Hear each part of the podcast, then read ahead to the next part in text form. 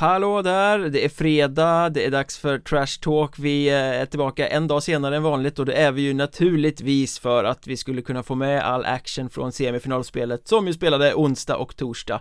Och vi som är vi, det är som vanligt jag som heter Micke Mjörnberg och Henrik Hockeystaden Skoglund borta i Jönköpingstrakten som förutom att eh, ha njutit av eh, semifinalhockey i Hockeyettan förmodligen också har riktat blicken mot ett ångestkval från SHL och kan konstatera att Brynäs IF, detta Rolf Lassgårds favoritgäng, rasar ner i Hockeyallsvenskan. Ja, men det är ett förfall som har pågått i några år.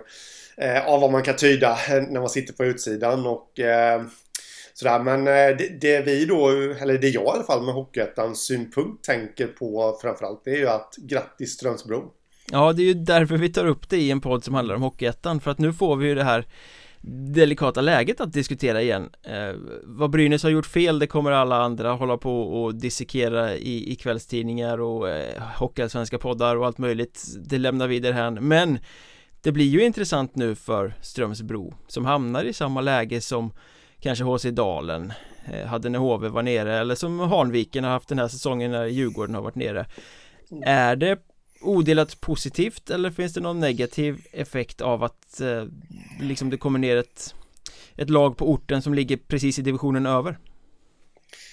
Alltså jag ser, det finns ju säkert negativa grejer också men eh, jag ser det övervägande positivt. Eh, det vet du ju du tog ju Dalen där som exempel. Det har väl till och med Pelle Gustafsson sagt eh, när han var Dalen-tränare eh, där att Eh, Eh, att det liksom, det, det, skulle mer eller mindre, han kanske inte sa exakt så men andemeningen var ju att det skulle ju vara döden för Jönköpingshockeyn ifall bägge två låg i samma serie. Men däremot när de ligger i underliggande och överliggande serie så är det ju perfekt liksom att man kan ha utbyte av spelare och eh, jag upprepar mig som en papegoja. Jag sa ju samma sak om Dalen när HV åkte ur, ur som jag kommer säga om Strömsbro nu eh, när Brynäs åkte ut att eh, de har ju eh, de har ju alla möjligheter i världen här nu och eh, locka spelare med att gör du det bra så kan du få chansen i Brynäs. Om Brynäs nu öppnar dörren.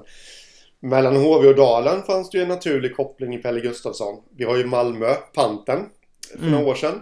Där också fanns naturliga kopplingar. Och Hanviken Djurgården finns ju också naturliga kopplingar på grund av eh, Familjen Garpenlöv Precis, precis eh, jag hittar ingen naturlig koppling riktigt mellan Strömsbro och Brynäs. Så kollar man exempelvis och tränar Magnus Jansson har ju inte något förflutet i Brynäs alls. Så jag vet inte riktigt med sportchefen där heller hur det ser ut på den fronten. Nej men det kryllar ju av eh, personer och spelare med Brynäs förflutet i Strömsbro Men det som är skillnaden där är ju att det liksom är folk som inte har blivit kvar i Brynäs Och sen ja. hamnat i Strömsbro för att kunna ja. vara i Gävle typ Snarare än att mm. det finns en den eh, HV och Dalen drog ju verkligen nytta av varandra. De byggde synergier och Perle Gustafsson var utlånad till HV vissa träningar och, och HV skickade ner spelare i Dalen och liksom HV såg värdet av att ha en klubb i Hockeyettan så nära mm. när de var i Hockeyallsvenskan. Samma sak med Djurgården. Nu hänger det väl förvisso ihop med att William Garpenlöv är assisterande sportchef i Hanviken Men Johan Garpenlöv har ju varit och tittat på mycket Hanviken-matcher och liksom sett Hockeyettan. Det var ingen slump att han blev kär i Edvin Hammarlund och plockade upp honom till Djurgården och att Fredrik Schlyter har varit inlånad och det var någon mer Hanviken-spelare som också fick vara med. Den kopplingen, man ser ju inte den riktigt från Brynäs sida. Eh. Ska man bara utgå ifrån hur Brynäs har varit i SHL så får man ju känslan av att de kanske kommer fortsätta ha det här von oben perspektivet och titta ner på Strömsbro som något som katten har släppt in och nej nej det där är en liten kvartersklubb i en lägre division den vill vi inte befatta oss med mm. eh, Så eh. allting här handlar ju om att Brynäs måste göra om och göra rätt och öppna sina ja. dörrar på ja. något sätt Gör de det då kan ju det här bli win-win för båda parter Gör de inte det så känns det nästan som att det blir dåligt De kan sänka varandra Ja, det, det, vet jag inte om. Det, det kanske de kan, men jag håller med dig där om eh, von oben-perspektivet. är ju en risk faktiskt att eh, att det kommer bli så. Jag, jag ser faktiskt inga, nu, nu låter jag hemsk här, men jag ser faktiskt inte, eller har inte sett de senaste åren, någon slags ödmjukhet från Brynäs sida. Nej, anledningen till att de åker ur SHL, nu skulle vi inte prata om det i och för sig, men det är väl, det är väl att de tycker att de är bättre än vad de i själva verket har varit. Mm. Mm. Exakt. Eh, så det är ett tips. Vi får ju hoppas på att eh, folk från Brynäs lyssnar på den här podden eller folk från Gävle då och eh, öppna era dörrar för Strömsbro för det kan ni absolut. Jag menar, tänk en sån som Abbe Broberg i Strömsbro. Skulle han få chansen i Brynäs, han skulle ju gå han skulle ju liksom gå på vatten höll jag på att säga liksom och göra allt i de kanske två matcherna han får. Mm. Men alltså, man bygger samarbete, man, lite glädje, man och alltihopa. Eh, man kan hjälpa Strömsbro genom att låna ut lite Framförallt man, man kan hjälpa sina egna framgångsrika J20-spelare genom att ge dem seniormatchning i Strömsbro. Ja, ja exakt. Uh, och när Strömsbro gick upp i Hockeyettan så Johan Wennberg, sportchefen där, han hade ju den här idén om att allting, alla som värvas ska ha någon form av Gävlekoppling och det skulle vara så mm. familjärt och så, det har de ju frångått lite på senare tid mm. Men nu kan de ju börja liksom spinna runt den tråden igen Ja, det kan de. Sen... Eh, jag, jag är ju en eh, beundrare av det tänket. Eh, just eh, att man ska ha koppling till, till staden man, man är ifrån så att säga då. Klubben och... Jag står bakom det till 100% men jag tror inte att det är fel att ta in influenser utifrån heller. Alltså säg 75-25 i procentväg där då. Mm. Så att man får lite andra ingredienser också. Så det kan nog vara en fara att bara bygga på jävla killar. Eh, tror jag. Men det är en helt annan diskussion. Eh, just nu så, så får vi ju helt enkelt säga grattis Strömsbro. Kanske. Ja, vi får fortsätta hålla ögonen på detta i alla fall. Ja.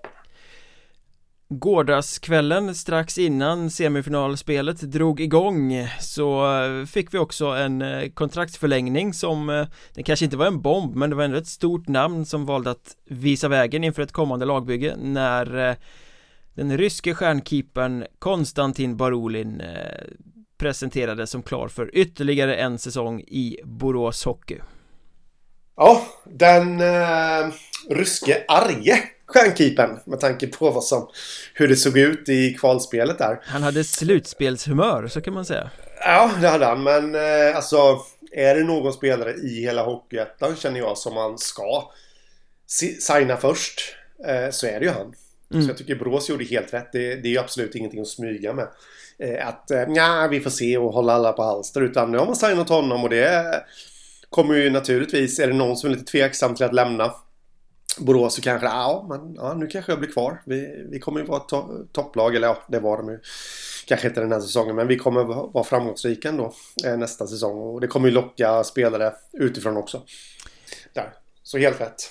Ja, och Baroli var väl ganska klar direkt efter uttåget mot, eh, eller även innan slutspelet tror jag. Han sa i någon artikel att han ville gå upp i SHL med Borås och eh, direkt efter eh, uttåget mot Boden så sa han väl att det är här jag vill spela Så det kom väl inte som en överraskning att han faktiskt ritade på det här nya kontraktet men eh, vi får väl se hur, du kommer ihåg hur det var i höstas när han hade varit hemma i Ryssland över sommaren eh, och inte mm. fick klart med arbetstillstånd och allting sånt. Och det var alla Barolin, kommer Barolin att komma var ju följetongen eh, och Borås fick storspö i varenda match medan man gick och väntade på att han skulle komma. Eh, Får se om man kan undvika det strulet igen då ja. Så att han inte åker tillbaka och sen inte kommer ut ur landet. Man vet ju inte vart världssituationen kommer ta vägen Nej, precis. Jag, är, jag vet ingenting om... Liksom... Eh, rent spontant så tänker jag. Ska han verkligen åka tillbaka? Kan ja. inte spendera sommaren i Sverige? Berdnikov gjorde väl inte det va? Han stannade väl kvar?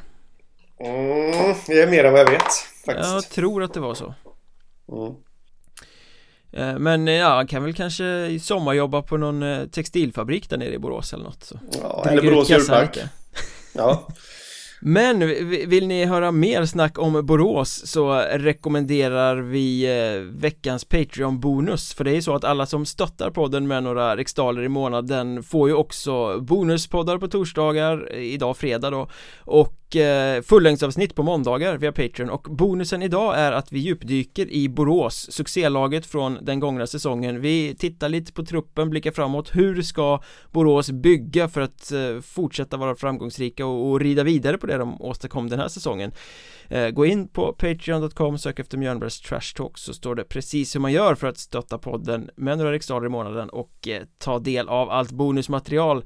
Tackar så mycket ödmjukast för det såklart men nu till huvudnumret, till semifinalerna Fyra av sex är avgjorda efter fyra spelade matcher Två stycken kommer att gå till en femte och avgörande Och eh, innan vi börjar dissekera serien helt och hållet här så rent generellt har det blivit som du trodde?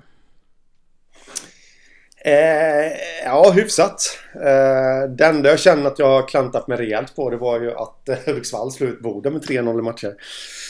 Där trodde jag tvärtom. Jag trodde att Boden, ett trögstartat Hudiksvall skulle tas lite på sängen av ett Boden som var inne i matchandet och alltihopa. Och ett Boden som skulle kunna gå på knock. Mm. Om de eh, avgjorde hyfsat snabbt. Eh, 3-0, 3-1 i matcher. Men eh, jag, vad stod det? Stod det 4-0 efter en period eller vad det nu var? Till Hudiksvall i första matchen. Ja, Boden var inte med där överhuvudtaget. Det var ju, och hela den serien var ju egentligen eh, solklar skenbart jämna liksom delar av matcherna absolut. Men ser man i det stora hela så var ju Hudiksvall ett mycket homogenare, gedignare, bättre coachat lag än vad Boden var.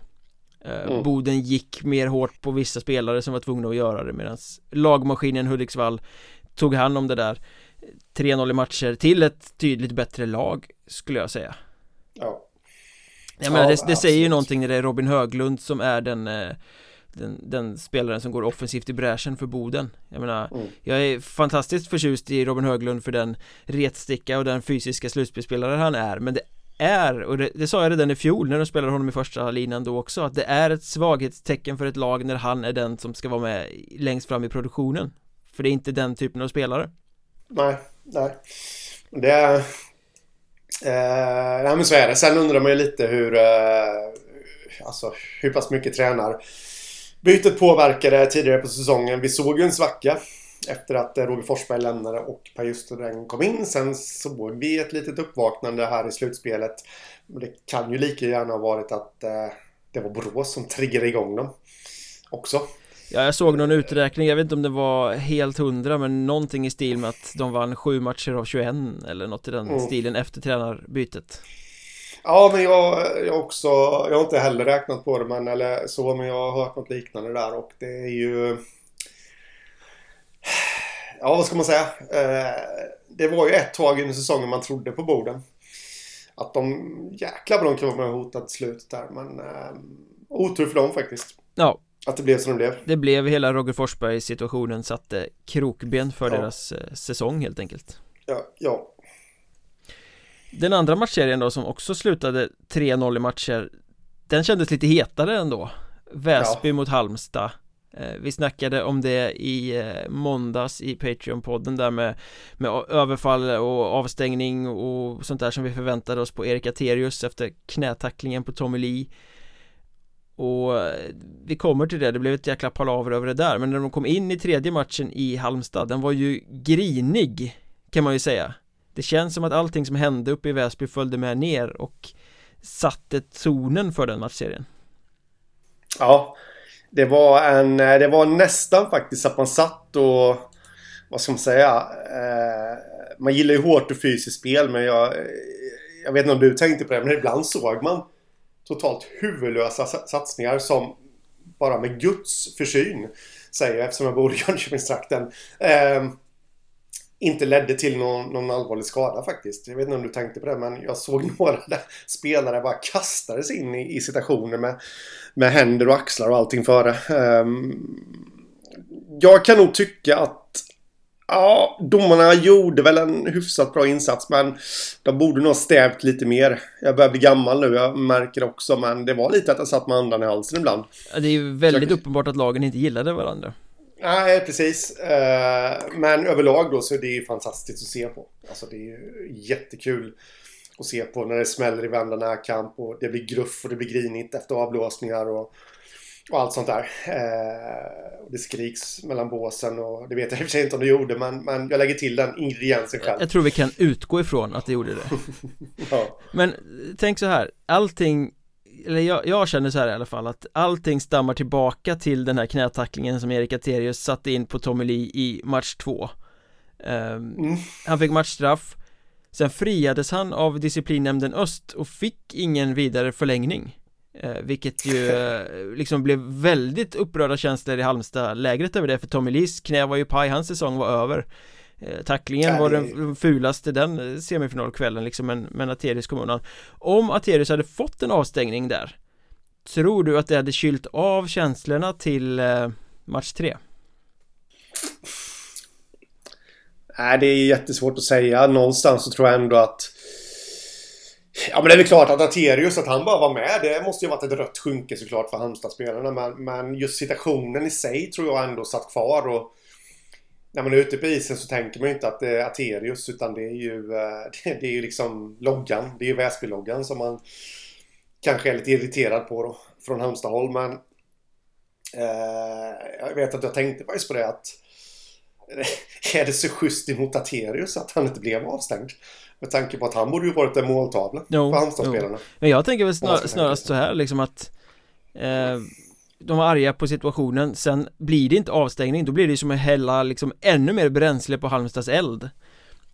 Och de var ju jättearga och assisterande tränaren David Axelbring var argast av dem alla och, och det var liksom överklagan och motanmälan och allt möjligt sånt där. Så det känns ju som att Halmstad jagade upp sig ännu mer.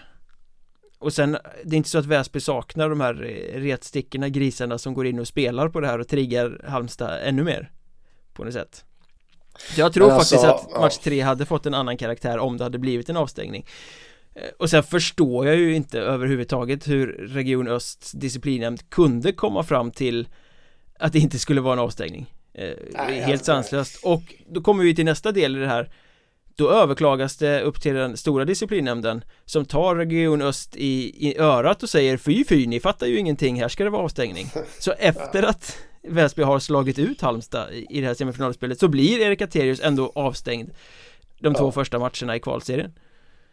Ja, eh, och där... Eh, alltså där gör ju eh, disciplinnämnden Öst även Väsby en otjänst, ska man ju säga. Ja. För att jag, jag tycker ju inte, jag, visst det är klart att Aterius påverkar, han, han är en skicklig spelare alltihopa och han har ju krupit under skinn, skinnet och alltihopa men det känns ju som att Väsby kanske skulle ha mer nytta av honom i en kvalserie än just mot Halmstad när de redan hade de två första matcherna. Mm. Ja, eh, precis, men, men nog om det. Alltså, jag tycker ju att det är... Jag fick lite... Ja, de senaste dagarna fått faktiskt lite, lite synpunkter på det där. Eh, just att... Alltså är, är det korrupt? Är det att disciplinnämnden Öst liksom står på Väsbys sida här? Eh, alltså, jag brukar ju aldrig falla för sånt där snack, det vet ju du också. Men någonstans så undrar man ju, det här är ju nästintill årets mest solklara avstängning. Ja. Känner jag. Hur fan rent ut sagt kan man fria en sån sak? Man ser ju, alltså det stod ju i gårdagens tidning att han sträcker ut benet. Ja men det är ju så alltså. Ja. Och är på väg mot Tommy Lee. Och oavsett om han sticker ut med flit eller inte, han ska väl vara avstängd i alla fall om man tittar till vad som stängs av under säsongens gång. Rena olyckshändelser åker folk på 3-4 matcher för.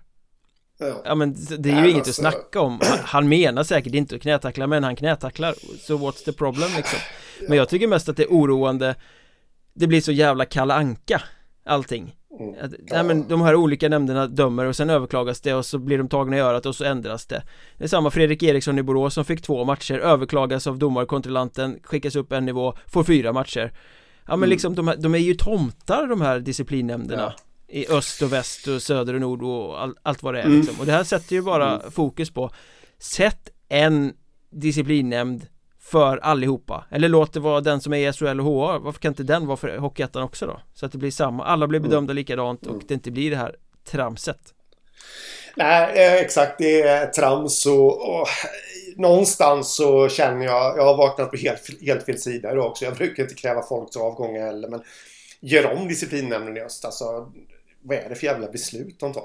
Fria. Alltså nej, men jag, jag blir upprörd och Aldrig förr har ju någonting jag sagt för över en månad sedan kunnat appliceras även nu. Vet du vad det är? Nej. Hur länge ska Dick Axelsson få åka runt och bestämma i Hockeyettan? Tar du Hanvikens parti nu? Ja. Nej, det är såklart att han inte har med det här att göra. Men, eh, men eh, någonstans, alltså jag, jag köper helt och fullt den, eh, de frågorna som jag har fått. Alltså, är de korrupta? Står de på Väsbys sida? Det vägrar jag tro, men jag tycker att systemet Nej, är, är, är Man kan ju fråga sig varför det skiljer så mycket i bedömning från eh, nämnd till nämnd där och sådär så att Ja. Nej, det där måste ju ses över, så är det ju Nej, men alltså dessutom den här. Jag brukar aldrig kunna liksom. Jag har jättesvårt för att bedöma sådana här situationer och om det ska vara avstängning eller inte. Men eh, när till och med jag, halvblind, eh, här, Halvblind, Ser- döv och tjock ungefär så. När till och med jag ser att fan, det här är ju årets mest solklara eh, avstängning. Alltså den ska ju vara minst tre matcher. Eh, han fick ju två matcher nu. Bara det är fel också, jag tycka. Det skulle varit mer. Så eh, det, är, det är ingenting, jag har ingenting emot Erik Katerius personligen, men jag tycker att eh, och det var säkert inte meningen och allt det där, men, men det är en sån fruktansvärt oansvarig tackling. Så den, den skulle ha gett lite mer. Men, men eh, en annan grej i det här är ju Ska klubbar Vi hade kaoset mellan Borås och Boden tidigare Det var väl lite samma här Ska klubbar eh, få, verkligen få anmäla varandra? Det var en diskussion mellan Västerås och Björklöven i ho eh, Hockeyallsvenskans slutspel också Ja. Jag tycker att det blir tomteverkstad av det också liksom att när klubbar Mm. börjar anmäla varandra och det ska liksom sådär Borde man inte bara bestämma att klubbar får inte anmäla varandra? Domaren, Mm. disciplinnämnden, de hanterar det där så håller ni er andra borta För jag tycker det blir lite Mm. pajas när klubbar ska hålla på och anmäla varandra Ja, men alltså om man tänker tillbaka några år tillbaka i tiden så var ju faktiskt det här lite halvt ovanligt. Eh, till att börja med kan vi säga att vi ser ju aldrig det i eh, seriespel. Det är ju bara i slutspel Mm. det dyker upp att de an- anmäler varandra. Men det, de har ju inte någonting att tjäna på att anmäla någon annan i seriespel eftersom nästan Nej. de ska möta ett annat lag Så att det är någon annan som får dra nytta av avstängningen i så fall Ja, och det är det som blir så himla genomskinligt då att eh, helt plötsligt så är man moralens väktare liksom och, och, och Ja, man kan ju tro att de, de här personerna, de JO-anmäler ju rödljus liksom. Ja, när, när de är ute och kör bil ungefär. Eh, men liksom det jag, det, det jag tycker är... Eh, nu tappar jag tråden är helt och hållet men... Jo, för några år sedan backar vi tillbaka bandet där. Så var det liksom så här att Gentlemen's agreement, man skulle inte anmäla varandra. Den är ju totalt bortsuddad nu. Mm. För då blir det ett ramaskri. När någon anmäler. Alltså det kunde räcka med att det var en händelse i division 2 så togs det upp i, i riksmedia liksom. Det händer ju aldrig nu. Det har blivit vanligare och vanligare. Och eh, tråkigt tycker jag. ja, jag tycker inte att man borde få anmäla varandra Det blir bara Nej. liksom trams av det Jag menar, och det där är ju taktik också. Alltså herregud. Det är klart att det är och även om Jo, man vet jo, att man jo. inte kommer få något gehör för sin anmälan så gör man det för att jävlas för att liksom sätta Ja. ännu mer eh, griller i huvudet på folk mest Ja, liksom ja, nej, men, ja, men alltså det jag menar är att man, eh, man skulle kunna vara lite mer taktisk där. Alltså det är klart att det anmäls ju förut också. Men då var det inte klubbarna som stod bakom. Nu står de ju bakom det öppet. Innan kunde det ju vara någon privatperson exempelvis. Mm. Mm. Men det kan man ju bara gissa vem den privatpersonen höll på. Eh, och hade kanske blivit övertalad eh, av också då att anmäla. Eh, Men rent sportsligt så var det ju inte så mycket snack egentligen Väsby var ett bättre lag än Halmstad eh, Över totalen, vinner 3-0 i matcher Även om det var tajta match 2 och 3 så Det är ändå rätt lag som går till kvalserien Ja, ja. Absolut. Och det var börjar gäspa hela. Uh, vad trött jag. Det var ju det vi pratade om innan också att eh, Halmstad kommer inte räcka till i, i den här matchserien. Eh, faktiskt. De, de, de är lite för, för tunna. Faktiskt. Ja, men eh, vi kan ändå applådera Halmstad när de går på semester så att gjort en bra säsong Överraskat expertisen ännu en gång Ja, ja alltså det är ju... Det, det, det, är alltså, om man redan nu ska börja fila på sitt tips till nästa säsong så man får väl peta in liksom Halmstad på en allettanplats direkt. Det är lika bra Ja. Mellan Kalmar och Sundsvall då, där blev det inte fullt lika hett Det var inte känslor i närheten av det. Men jag, jag vill ändå eh, plussa lite här efter att Kalmar har gått vidare med 3-1 i matcher. De vann den avgörande fjärde matchen med 5-0 igår, inget snack om saken. Eh, Men jag vill ändå plussa för hjärtat som Sundsvall visade i match 3 De hade blivit Mm. ganska utspelade två matcher i eh, Kalmar kommer hem 0-2 i matcher, förstår väl att loppet är kört men går ändå ut och, och kämpar och spelar med hjärta, krigar hårdare än vad Kalmar gör i match 3 och lyckas nypa den också med 4-2 till slut. Eh, Det Ja. var imponerande att se för det är ju när man tittar på spel, det är ju ganska uppenbart att Kalmar är ett mycket bättre lag i eh, i alla delar egentligen än vad Sundsvall är. Men också glädjande är att ett lag som är så pass bra som Kalmar kan inte vinna om man inte lägger ner eh, hela arbetsinsatsen För det gjorde man inte riktigt i match tre. Man eh, var lite trögstartade. Man förlorade för att Sundsvall jobbade med mer hjärta helt enkelt. Mm. eh, Och det, det gläder mig som gammal UV att liksom eh, Man kan inte bara spela på skills. Man måste Det laget som kämpar hårdast vinner faktiskt. Eh, Så ja. som det ska vara. Mm. Nej men absolut. Det Sundsvall, eh, det har vi ju flaggat för och framförallt jag då. Det här var ju mitt andra klavertramp att jag flaggade ju rejält ja, Du garderade dig ju med ett kryss 2 här. Ja, men jag, jag, jag på fullaste allvar så trodde jag faktiskt att Sundsvall skulle kunna slå ut Kalmar. Eh, men det var inte ens i närheten.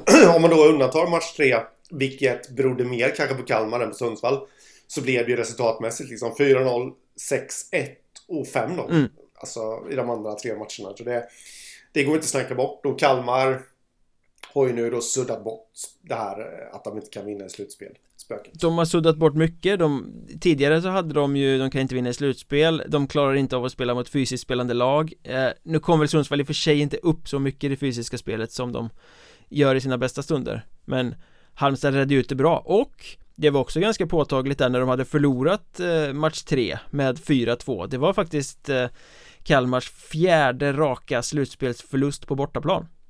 Mm. För i sin första matchserie mot eh, Huddinge där 18-19 eh, tror jag det var Vann de hemma, torskade båda borta. Halmstad i fjol, torskade de borta Och så nu torskade de mot eh, Sundsvall. Så innan 5-0 igår så hade de faktiskt inte vunnit en enda bortamatch i slutspel. Så det var liksom tre såna här roliga käpphästar som vi kan ha som de bara sopade bort på ett bräde där. Ja, Eh, det gör de och jag skulle mycket väl kunna tänka mig att de har haft lite de här faktan som motivation också. Att verkligen sätta eh, de så kallade ja, tomtarna i den här podden på plats. Jag vet inte hur mycket de... Men, men just det är klart att de är medvetna själva om att de inte har vunnit någon slutspelserie och allt det där som du tar upp liksom. Eh, så det, det tror jag mycket väl att de har kunnat använda som lite tändvätska också. Lite bränsle.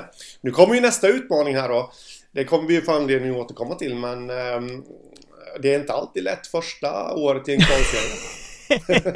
nej, det spelar ingen roll hur spelskicklig man är. Eh, nej. nej. men jag tror att det är väldigt viktigt för eh, Kalmar som organisation och förening att ta det här klivet nu, att få komma till en kvalserie eh, Säsongen är liksom i hamn här, jag tror inte att de mm. kommer gråta blod om de inte tar sig upp i Hockeyallsvenskan den här säsongen Nej. Men för att den här satsningen, för att det här bygget de håller på med ska kunna fortsätta växa och, och gå i, i, rätt riktning så Nästa steg, nu har de ju varit i toppen i allettan två år i rad och, och mm. spelat slutspel och Nästa steg var ju en kvalserie och nu tar de sig dit Så att den här utvecklingstrappan som de är ute på eh, går i rätt takt så att säga Så att eh, mm. Ja men en, en superimponerande matchserie av Kalmar allting är positivt här nu just nu. Ja, absolut. Och de, ja, men just det du säger att de, de tar hela tiden små kliv i rätt riktning. Det, det är liksom aldrig fel. Det ger näring och en tro åt det man håller på med. Hur mycket tro finns det i Nybro då? För där kommer vi till nästa matchserie där det har blivit drama eh, Nybro vann två ganska täta matcher eh, hemma 3-0 och 2-1 Trots att Vimmerby stretade emot bra men inte hade effektiviteten. Matchserien vände till eh, Vimmerby och där har då eh, Jakob Karlssons mannar lyckats vinna med 2-1 och 3-2 och kvittera matchserien till 2-2 i matcher. Ja. Ehm, Ja det är ju såklart ett eh, superfiasko att Nybro tappar två matcher på bortaplan. Nej, såklart inte. Det säger jag ju bara för att reta de här icke lättkränkta Nybro-fansen som jag har sett eh, har, eh, har eh, kommenterat en del här nu. I ett helt annat ärende. Så jag, nej såklart inte alltså. Det, alltså Ja, vad ska man säga?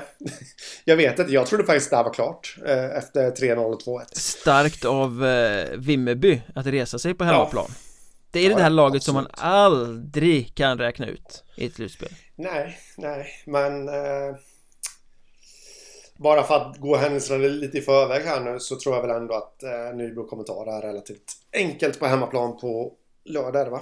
Söndag Söndag till och med eh, Jo men det vet vi att de kommer göra för att Nybro, eller vad säger jag, Vimmerby tar sig ju alltid till sista slutspelssteget och sen inte längre ja. Det är ju tradition ja. och det är väl många av de här eh, uttågen som också har skett i en avgörande match ja. Så att vi kan väl eh, liksom redan nu slå fast att den femte avgörande kommer Nybro att vinna Om vi ska titta mm. på historiken Men det är press på Nybro Det är en väldig Ja. press på Nybro Vi har ju sagt det under säsongens gång att eh, Det är liksom nu eller aldrig satsning nästan om man ser Mm. vad de har lastat in och de har stått på, på tröskeln två säsonger i rad utan att lyckas gå upp och nu ska det ske liksom Mm. Och då måste de ta sig förbi den här femte och direkt avgörande inför en kokande hemmahall det, Alltså det är inte lätt mentalt att ta sig an den eh, utmaningen Nej.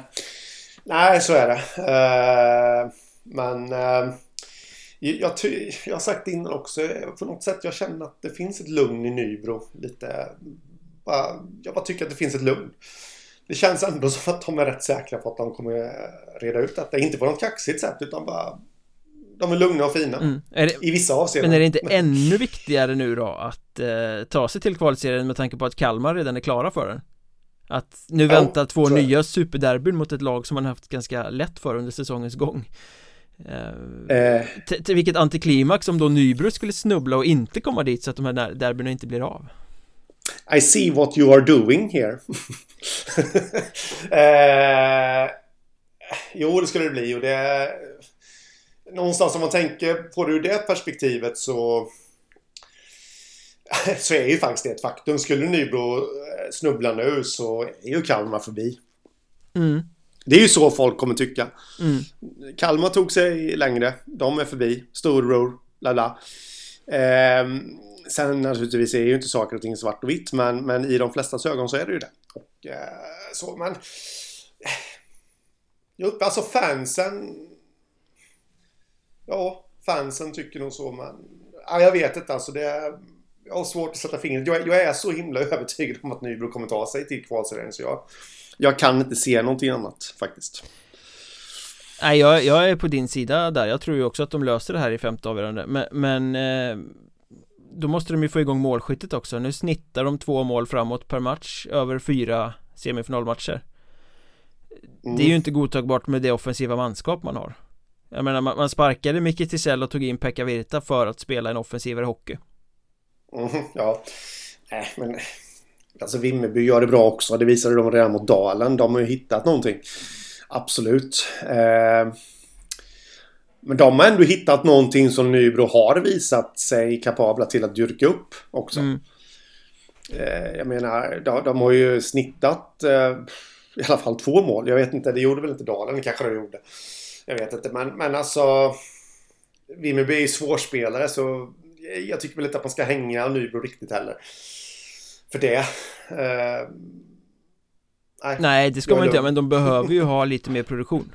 Om de ska lösa det. Ja, ja, ja, ja, absolut. Det, det håller jag med om. Men jag tror det blir 4-1 till Nybro i femte avgörande. Men ungefär, det, ja, det känns ungefär som en match som kan stå och väga lite. Sen fem minuter in i tredje perioden så gör Nybro 3-1. Eh, Vimmerby plockar ut målvakten med tre minuter kvar och eh, då punkterar Nybro matchen. Ja, något sånt. Så blir de sista två minuterna rätt avslagna. Men det här har ju varit en, en tight och jämn och eh, väldigt intressant matchserie Men det är inte det som har varit snackisen kring den Nej. Utan det är ju hur Vimmerby-kaptenen Jakob Karls- Karlsson fullkomligen har trollat sig in i huvudet på varenda människa med Nybro-sympatier verkar det som Ja, det började, det- ju, det det, det började ju med alla de här uttalandena inför eh, matchserien om att det är ett stort fiasko om de åker ut mot oss och bla bla bla. Och sen Ja, nu får du rätta mig om jag har fel, du kanske har läst på bättre om det här än jag men eh, Nybros fans anordnade ju en invasionsresa till eh, eh, Vimmerby inför den tredje matchen. Eh, Mm. Ett klassiskt begrepp, det har väl hur många supporterföreningar som helst gjort invasionsresor där Ja. man reser en väldig massa och tar över en ishall och så vidare Varpå då Jakob Karlsson i sociala medier kommenterade det där med att ja eh, fronten går väl inte i Vimmerby utan i Bachmut eller något sånt där alltså en direkt passning till Rysslands anfallskrig mot Ukraina och vävde väl in Nikolaj Skladnichenko den ryske spelaren i Nybro där på något sätt också Eh, Ja. Jag har inte läst inlägget ordagrant men eh, på något sånt där sätt och det tog ju hus i helvete i Nybro ja. Eh, det gjorde det och... Ja men där då, om vi stannar där vid så...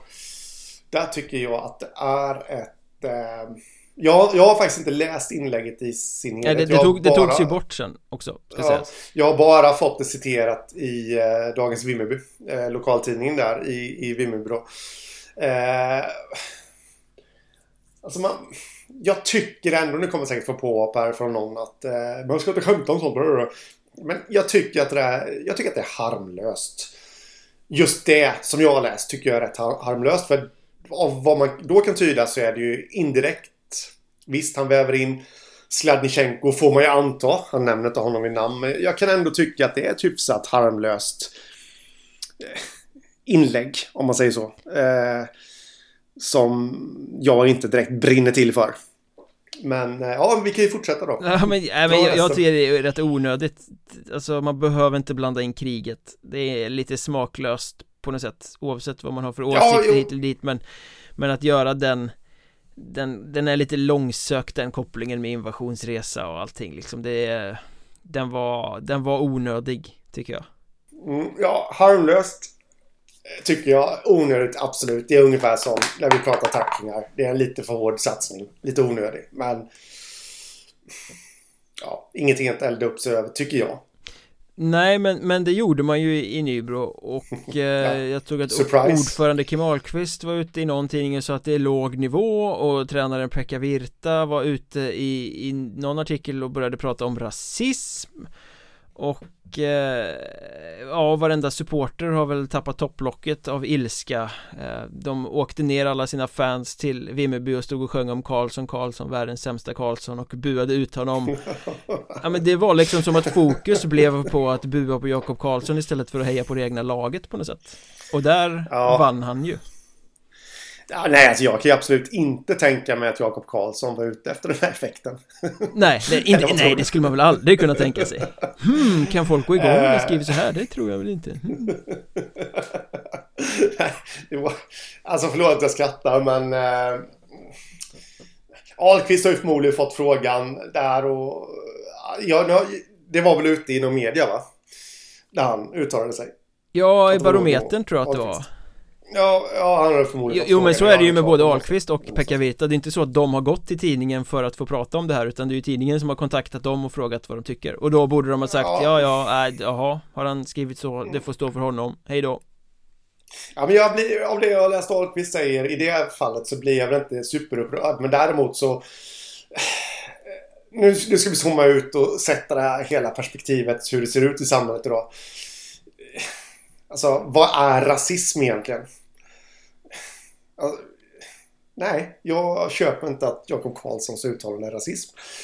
Eh, eller skrivande där är rasism. Eh, jag tycker att det är onödigt av Pekka Virta att gå ut med det i tidningen. Det är lite på något sätt kan jag tycka att det drar ett löjets skimmer eh, över över det faktiskt Men det som är roligast i, eh, i det här är nästan den lilla skrivningen som fanns i dagens Vimmerby när de berättade om att Karlsson hade buats ut och, och allting det där när de i slutet av artikeln skriver att Tidningen hade velat ha en eh, kommentar från Nybrohåll men eh, Kim Ahlqvist har meddelat att eh, Nybro bojkottar dagens Vimmerby tills vidare eftersom det ägs av Jakob Karlsson mm. Och där tycker jag, där tappar de det ju, där blir det ju bara liksom Unprofessional deluxe Att man, nej men vi mm. tänker inte prata med det här mediet för att det har en ägare som vi tycker är dum Alltså, ja. då ja men då drar man ju ner byxorna på sig själva. Ja, här kommer Nybro Vikings som ska vara den här stora fina klubben som Som rör sig i de flotta salongerna och så kan man inte svälja någonting bättre än sådär utan hantera det.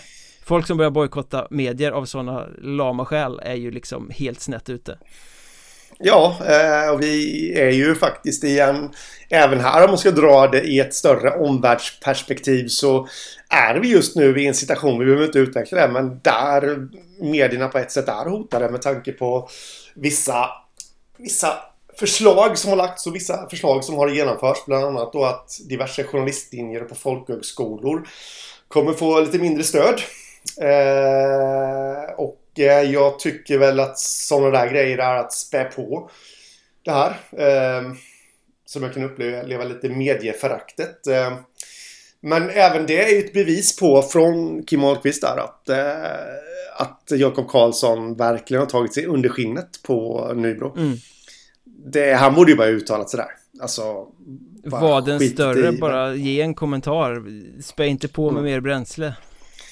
Nej, jag, jag, menar alltså, ja, hade Dagens Vimmerby varit en oseriös blaska som liksom hade förvrängt uttalanden och sånt där, bla bla. Men Kim Wahlqvist naturligtvis vet ju vilka Dagens Vimmerby är. Han har suttit och läst dem eftersom de är väldigt skickliga på att bevaka den södra Hockeyettan överlag. Det är klart att han har läst dem och vet att de är sakliga. De, de, de är seriösa. Han har väl dessutom själv jobbat med kommunikation? Ja. Och vet hur det funkar? Eh, ja. Ja. precis. Så att eh, det där är ju bara en eh, sandlådegrej. Ja. Så, så sammanlagt sammanlagt sammantaget kan vi ju konstatera att eh, onödigt av Jakob Karlsson Det var ingen smakfull kommentar, det var dumt En extrem överreaktion hos Nybro med fans och klubb Allting på något sätt Jag vill också lägga till en uh, liten grej här eh, Shoot om, uh, ja, ja, jag har försvarat Jakob Karlsson här nu och men jag tycker att han, han, han har ett uttalande där i Vimmerby Tidning som jag inte riktigt eh, köper och, och, det vet ju alla som, som på något sätt har läst vad jag har skrivit här nu det senaste året. Eh, han säger så här. Eh, eh ja, eh, och det, det här har jag helt rätt i som, som det inleds. Jag har inte hört några sakliga argument utan snarare att jag är rasist. Jag vet inte vad som är rasistiskt i det hela. Eh, det håller jag med honom såklart. Det är onödigt av Pekka Virta. Men hela västvärlden försöker isolera och bojkotta Ryssland utom Nybro och Borås. Eh, Nej, den håller jag inte med om. Det, det, vet ju alla att jag skrev ett rätt långt inlägg där om när Skladnichenko värvades till Nybro. Där många, många tyckte att det var så himla fel. Men Nybro var ju ändå tydliga i, i den eh, kontrakteringen när de gick ut med den att de hade försäkrat sig om att hans värderingar var i linje med klubben mm. och liksom verkligen tryckte på det när de presenterade honom så det var inte så att de försökte smyga in en ryss och så bara hoppas att eh, det regnar liksom Nej, precis och det är just det reporten här frågar Jakob Karlsson också. Och då svarar han, då hade jag velat se det tydligare ut i sådana fall. Och nej, det jag menar är att vi är uppväxta i Sverige, vi är vana vid att kunna få uttrycka oss hur vi vill. Eh, Ska Skladnichenko, jag har ingen aning om han, om han har familj kvar i Ryssland eller inte, men, men ska han gå ut och fördöma det öppet? Eller ska Nybro gå ut och fördöma det och hans vägnar öppet? Vad händer då med hans nära och kära i Ryssland? Det är ju liksom, det har, det har ju sipprat ut att det är ju liksom eh, förföljelse av anhöriga och sånt där. Nu under kriget här som, som har uttryckt, eh, där någon har uttryckt kritik mot regimen och alltihopa. Så att eh, det, det, det, tror jag faktiskt Jakob Karlsson förstår också. Han är journalist och han, eh, han har ju liksom koll på det här. Så det, den tycker jag är onödig. Alltså lämna det där. Jag förstår att han vill försvara sig med att han blir attackerad för att, från Pekka Virta då att han är rasist. Vilket jag tycker är ett störtlöjligt uttalande från Virta. Men, men lämna det där och kräv inte att Skladnichenko ska ställa sig till något. Eller liksom att Borås och Nybro ska porta ryssar för att det är ju inte befolkningens fel att eh, Vladimir Putin gör som han gör. Nej, det, men det är väl en trollning som går lite för långt. Ja, jag känner det. Det, det var väl en sak jag reagerade, reagerade över att eh, jag kände ju det att jag måste också bli lite kränkt nu när alla Nybro-fans har blivit så himla kränkta så måste jag också haka på här. Eh, och den, den, den är jag kränkt över. Nej, men eh, lite onödigt. Eller väldigt mycket onödigt där faktiskt tycker jag. Vi ser fram emot femte och avgörande matchen på söndag mellan Nybro och Vimmerby när ett eh, ytterligare kvalserielag ska bli klart. Eh, det fjärde kvalserielaget blev ju klart sent, sent igår kväll när eh, Troja Ljungby genom Lukas Kekkele i den sjätte perioden lyckades bomba in, eller bomba in, han stod framför kassen och petade in den 6-5 pucken mm. för Troja mot Karlskrona, vilket innebär att Troja är vidare med 3-1 i matcher Jaha. Rätt lag vidare såklart, det bästa laget vann Men matchserien som sådan blev ju väldigt konstig ja, alltså. Det man reagerar först och främst över till att börja med då. De här två lagen har ju två av Hockeyettans bästa målvakter i Viktor Ragnevall och Viktor Kokman. Mm. Det visar de eh, första två matcherna i Ljungby där Ragnevall håller nollan.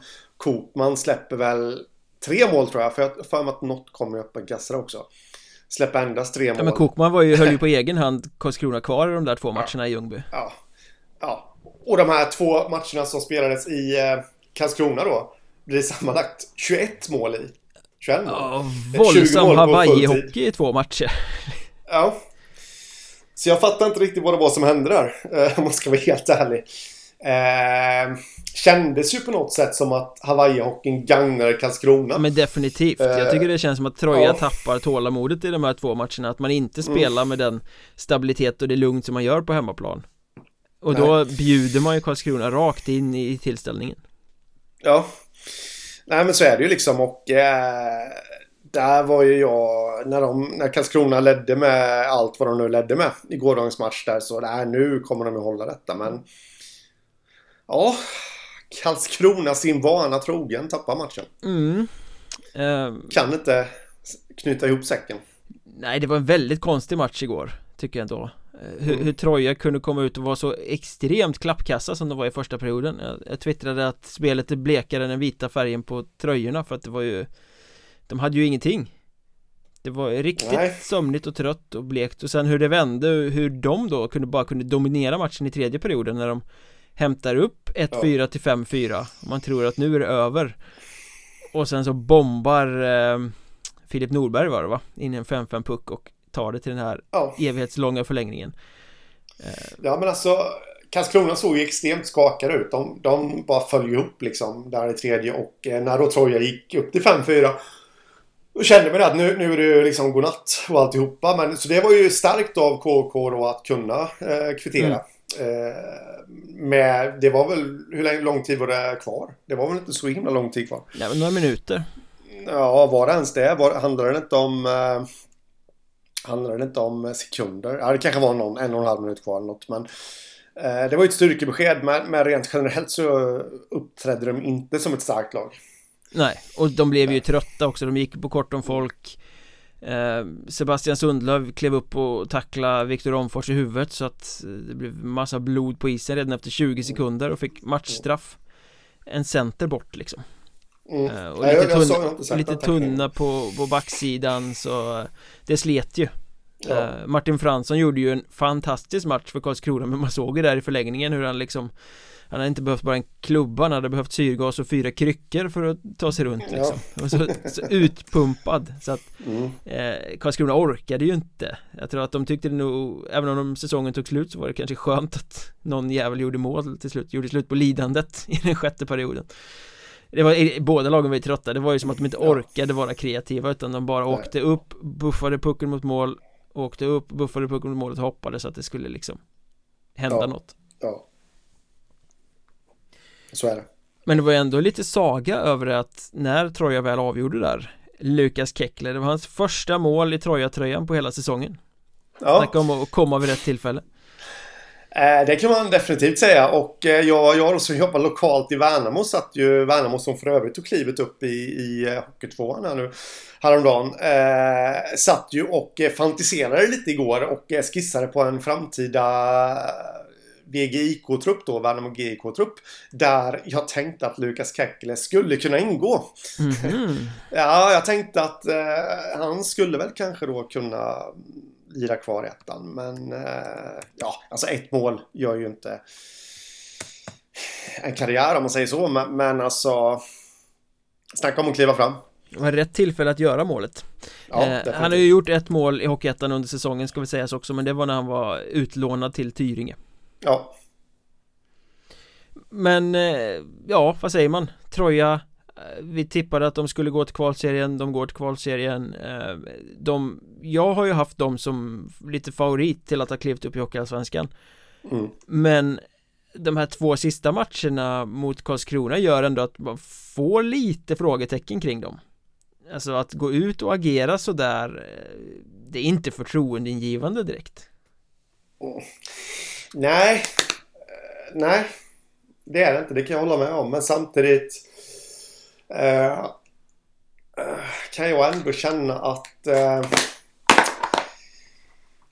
kan det ändå inte bli skillnad nu när de kommer till... Eh, nu, jag har absolut inga som helst belägg på att det var Karlskrona som gjorde någonting för att få Troja. Ja, det gjorde de i och för sig. De började spela Hawaii-hockey. Karlskrona. men, men, det jag menar mer är ju att nu är de ute ur eh, playoff-steget. Nu är det seriespel igen. Där de har visat sig vara starka här nu senare delen och eh, jag tror att det kommer bli lite annorlunda. Eh, Motståndarna kan inte scouta dem. De har inte två matcher på sig att scouta Troja.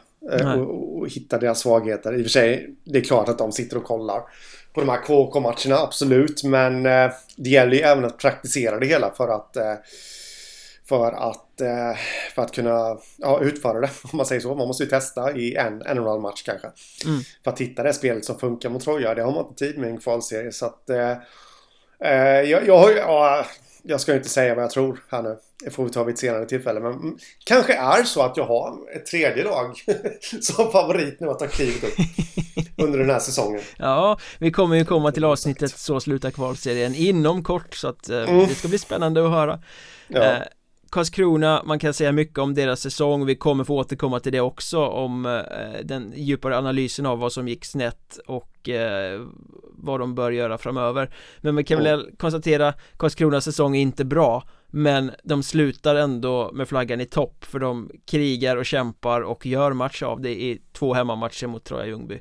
Eh, Så jag tycker att de kan ändå liksom avsluta säsongen med heden i behåll här Ja, ja, ja. Sen säsongen överlag eh, ska inte vara godkänd för dem. Eh, med tanke på det laget de har ställt på pappret alltihopa. Jag har ju redan deklarerat att det är ett fiasko och det står jag fast vid säsongen överlag.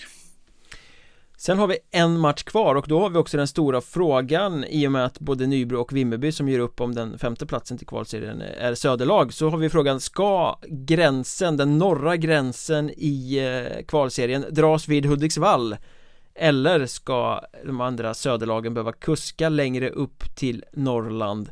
Det avgörs ju då när Piteå tar emot Mariestad i en eh, femte och direkt avgörande match. Mm. I en matchserie som har kränkt och svängt fram och tillbaka och som man inte riktigt får något grepp om. Nej, ja, den är väldigt svårsiad faktiskt. Man tänkte ju där eh, när Mariestad slaktade Piteå på Piteås hemmaplan i match 2 med 7-2 att ja, men nu väger det nog över åt dem och eh, men sen när Piteå vann match 3 efter den här maratonmatchen nere i, eh, i Mariestad så tänkte jag ja men nu är det nog lite fördel dem kanske men ja så vände Mariestad tillbaka här så Ja, jag tänker då avstå från att tippa utgången av den här matchserien. Jag har ju tippat 3-2 i matchen till Mariestad från början så jag får väl hålla fast vid det då Men det är ju ja. helt vidöppet och, och Ja, det känns som att Inget lag har liksom fått grepp om det andra på något sätt Nej. Det är inte så att någon har liksom ska psyka ner de andra eller att någon har en, ett psykologiskt övertag på något sätt utan det är Nej. dagsformen som avgör och mycket handlar väl om målvaktssidan i Piteå I, i den här match 3 eh, Där det blev en lång sudden death Så skadade sig ju Johannes Sundström mm. eh, Skulle skicka iväg en puck och eh, bara ramlade ihop i smärtor på isen Han måste ha fastnat med skenan på något sätt och, och ett knä gick Ja Ja, ja, ja, den var otäck och det var rejäl otur alltså för honom. Eh, måste man säga. Det, det såg riktigt otäckt ut. Man, usch, det isade i kroppen. Jag snackade med sportchefen Jonathan Glade där i Piteå mm. dagen efter och eh, han sa väl att nej, de kan inte säga hundra än det är väl, men spel de närmaste två veckorna är, eh, är uteslutet med tanke på mm. skadan på knät mm. Men känslan är väl att den där säsongen är körd ja. Även om Piteå skulle ta sig till eh, kvalserien så, mm. Så är det svårt att se att Johannes Sundström skulle vara tillbaka så de kommer att få förlita sig på John Westermark och eh, juniorkeepern då Albin Edlund heter han tror jag Som fick ett mm. samtal där på natten, stod utanför sin lägenhet 04.20 och plockades upp och började fraktas från Piteå ner till Mariestad för att vara backup mm. i match 4 mm. Skulle ju vara en sån här sjuk, ja nu blev det inte så men uh, det hade ju varit en sjuk hjältestory om uh, om då han hade fått hoppa in också i den matchen mm, igår. Ja, verkligen. Och, ja. Nej men nu, Piteå sitter alltså med en målvakt som har ett knä och en annan målvakt som har ett halvt finger så att eh, det är en utsatt position. Ja. och i, i långa loppet talade väl inte så mycket för Piteå även om de skulle ta sig till kvalserien så Ja, det är kanske där det tar stopp då. Mm. Man är skadeskjutna på positionen. Mm. Eh, Mariestad Joker nu till femte avgörande De får tillbaka Jesper Lindén som var avstängd i de två hemmamatcherna mm. Blir det han som går in och avgör kanske? Ja Man får väl, ja inte för att jag har sympatier för Mariestad nu men det, det, skulle väl vara rätt eh, episkt ifall han gjorde det Det känns ju som en sån där typisk sportsaga som, ja. som skrivs Vi får se, det är också på söndag. Det är Nybro, Vimmerby och eh, Piteå Mariestad som ska sålla fram de två lag som kommer att eh, tillsammans med Väsby, Hudiksvall, Kalmar och Troja Ljungby göra upp om platsen i Hockeyallsvenskan. Eh, Och innan vi avslutar det här En uppgörelse sker ju ikväll också. Mm. Eller en uppgörelse, två uppgörelser gör ikväll. Kvalet till Hockeyettan ska avslutas. I den södra kvalserien möts Mjölby och Alvesta i den västra kvalserien möts Forshaga och Falu IF och som av en händelse är båda de här matcherna som regelrätta finaler om vilket lag som spelar i Hockeyettan nästa säsong mm. eh, Mjölby och Alvesta har 12 poäng var eh, Falun har 12 och Forshaga har 10 inför de här matcherna mm. Mm. Ah, men vilken fredagkväll vi får Eh, ja, eh, jag ska göra något så jäkla tråkigt som att gå på after work. Så jag kommer ju missa det såklart. Jävla skit. Att man blir utbjuden på sånt. Man kan tacka nej. Nej tyvärr, jag måste sitta hemma och titta på Forshaga Falu IF på Hockeyettan Play. Ja, nej men jag, jag ska faktiskt åka och nu är det inte den stora bilpodden vi håller på med här men du ska inte kombinera after worken med ett bilköp. jag bara betona. Men jag ska åka och förmodligen hämta en bil idag eh, och då känner jag att eh, antingen så går jag på after work eller så kanske jag ut och kör lite bil. Jag har inte haft bil på ett tag.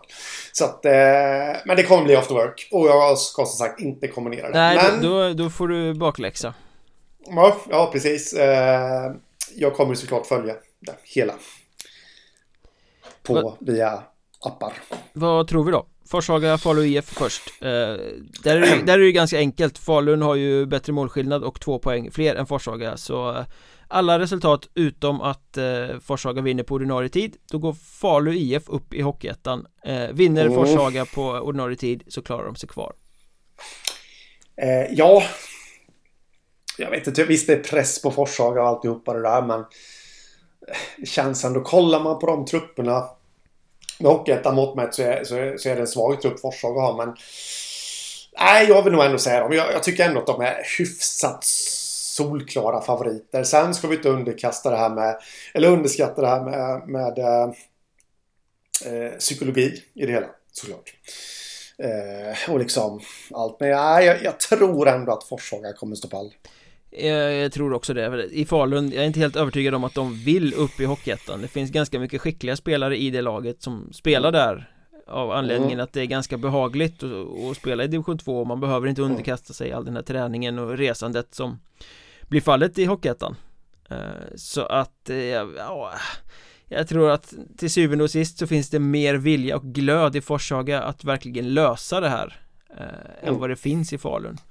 Ja. Och eh, så har vi ju Per-Erik Perra Jonsson på, på ja. eh, Som var med i ett sån här glädjespridarreportage i Sportbladet av Marcus Leifby nu i veckan också. Ja, Sådär ja.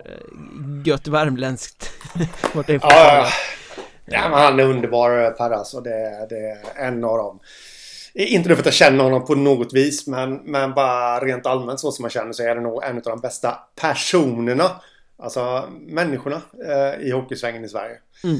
Eh, mjuk, varm, eh, alltihopa. Så det, han är helt rätt man för det här jobbet och kommer inte stressa upp sitt lag även ifall han skulle hamna i underläge eller någonting. Utan, nej, helt rätt tränare. Genidrag faktiskt. Alltså vi har ju tjatat om, eller kanske inte vi och vi då eftersom vi pysslar med Hockeyettan. Men rent allmänt så tjatas det ju alltid om att Perra Jonsson ska in i ett krisande, ja, som det varit den här säsongen då, Brynäs eller Malmö eller HV. Men då eh, Forshaga hörsammade. Ja. Plockade in honom. eh, Alvesta Mjölby då, eller Mjölby Alvesta. Den spelas ju i Mjölby. Ja. Mm.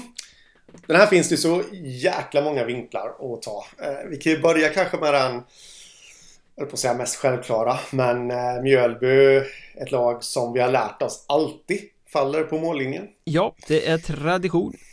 Mm. Eh, ett Mjölby som vad jag har hört kommer ha en utsåld hall. Eh, hur kommer publiken reagera om Alvesta tar ledningen? Eller om det hackar lite i spelet på Mjölby? För Mjölby. Eh, hur kommer spelarna i Mjölby reagera? De har ju ändå gjort en rätt bra satsning här. Mm. Eh, jag pratade lite med, med Andreas Söllner i Alvesta. Ja.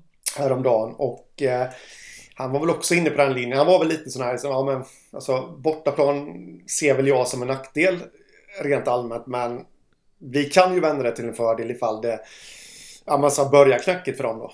Mm. Eh, för Mjölby. Sen hade ju de har mötts tre gånger tidigare den här säsongen och eh, Mjölby har 3-0 i matcher faktiskt på, på Alvesta. Det är ju sån där statistik som är läskig som bara väntar på att brytas.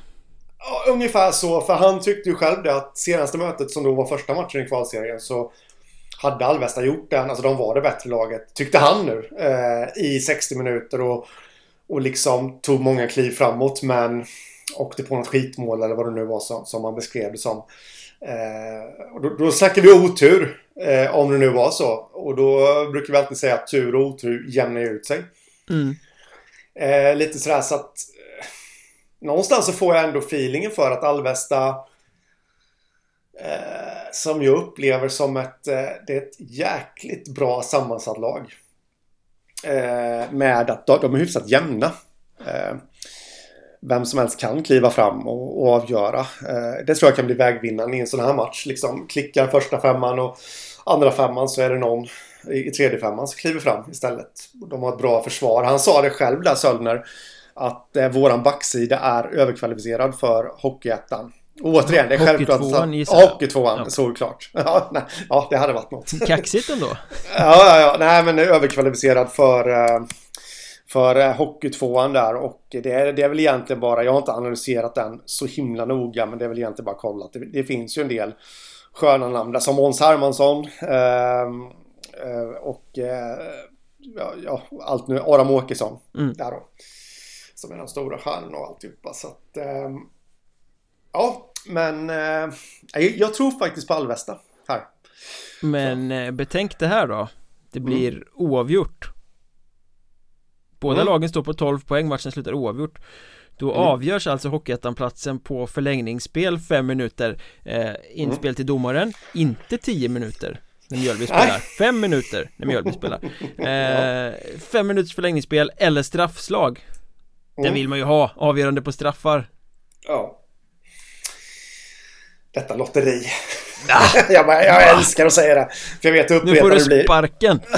Ja, precis eh, Men jag, ja, alltså jag Nu vill jag bara klargöra här att Straffar är en träningssak Det är inget lotteri Men jag vill nog ändå ha ett avgörande i sadden mm. Jag vill ändå ha det här liksom en spelare som kommer i hög fart Smackar dit pucken Eh, spelarna, han åker mot spelarbåset, blir överfallen av sina lagkamrater och hamnar längst under sin TV-puckshög.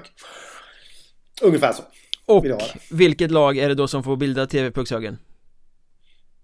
Nej, jag säger Alvesta. Ja, jag håller med dig. Jag, jag, tror att traditionens makt är för stark att Mjölby inte kommer mm. padda trycket och misslyckas i ett kval ytterligare en mm. gång. Mm. Eh, nej men precis, och det, jag får lite känslan över att Alvesta, jag känner inte till Alvesta jättemycket här nu. Men jag, de är lite lugnare på något sätt. Och med tanke på att Alvesta, alltså de, de, de har ju många sköna namn i laget. Men det är ju inte för att, för att de på något sätt har gjort någon storsatsning. Utan det är ju liksom att det är spelare som hör hemma i Växjötrakten. Mm. Som söker sig dit. Medan Mjölby då har gjort en satsning enligt vad man, vad man hör. Så det är lite mera press på dem. Eh, och eh, Alvesta, vad jag har hört, det är klart att målet är Hockeyettan eh, hos dem. Eh, vad jag har hört då så, så är det ambitionen och viljan eh, att man ska kunna etablera sig i Hockeyettan också på sikt. Mm. Eh, och eh, där, det, det, det, det, sa ju Söllner eh, när jag pratade med honom att han tror att närheten där till Växjö är ett plus. Ja. Det kan han mycket väl dra nytta av. De ligger ju mittemellan dessutom Växjö och en massa andra orter. Men, men om vi tar och hacket längre ner så har man Värnamo på andra sidan. Vilket skulle kunna ge en perfekt symbios med att Alvesta skulle kunna få låna lite spelare från Växjö. Och åt andra sidan skulle man kunna sätta ner lite spelare i, i Värnamo. Där också. Vi får se om detta blir en verklighet efter kvällens drabbningar. Mm. Nu är det faktiskt dags för oss att dra vidare till Patreon och snacka Borås. Nykomlingen som tog sig hela vägen till en femte och avgörande kvartsfinal mot Boden gjorde en succésäsong. Hur ska de nu bygga vidare på detta för att fortsätta vara framgångsrika i Hockeyettan? Ett eh, Patreon-bonusavsnitt om Borås eh, Hockey helt enkelt. Eh, Och till er andra som inte hänger med till Patreon.com när man söker efter Mjölnbergs Trash Talk Säger vi eh, tack för idag så hörs vi mm. nästa vecka igen. Eh, ja, det gör vi. Får jag bara flika in en sak? Jajamän. Vi leker ju faktiskt lite lilla Simor här nu. För det, det tänker man alltid på i slutspelstider. Stackars de som bara har TV12. När man kollar på så här. Nu fortsätter vi på Simor, ni TV12, ni får se... Reklam. Ja, ja eller, eller Bondfilmen. Ja. Det brukar alltid vara en Bondfilm också. Eh, det är lite likadant här nu, man känner man sig lite upp i smöret faktiskt. Ja, så eh, ni som har Patreon, häng med till Patreon, ni andra får se Bondfilmen helt enkelt. Ja, precis. Ha det gött. Detsamma. Tja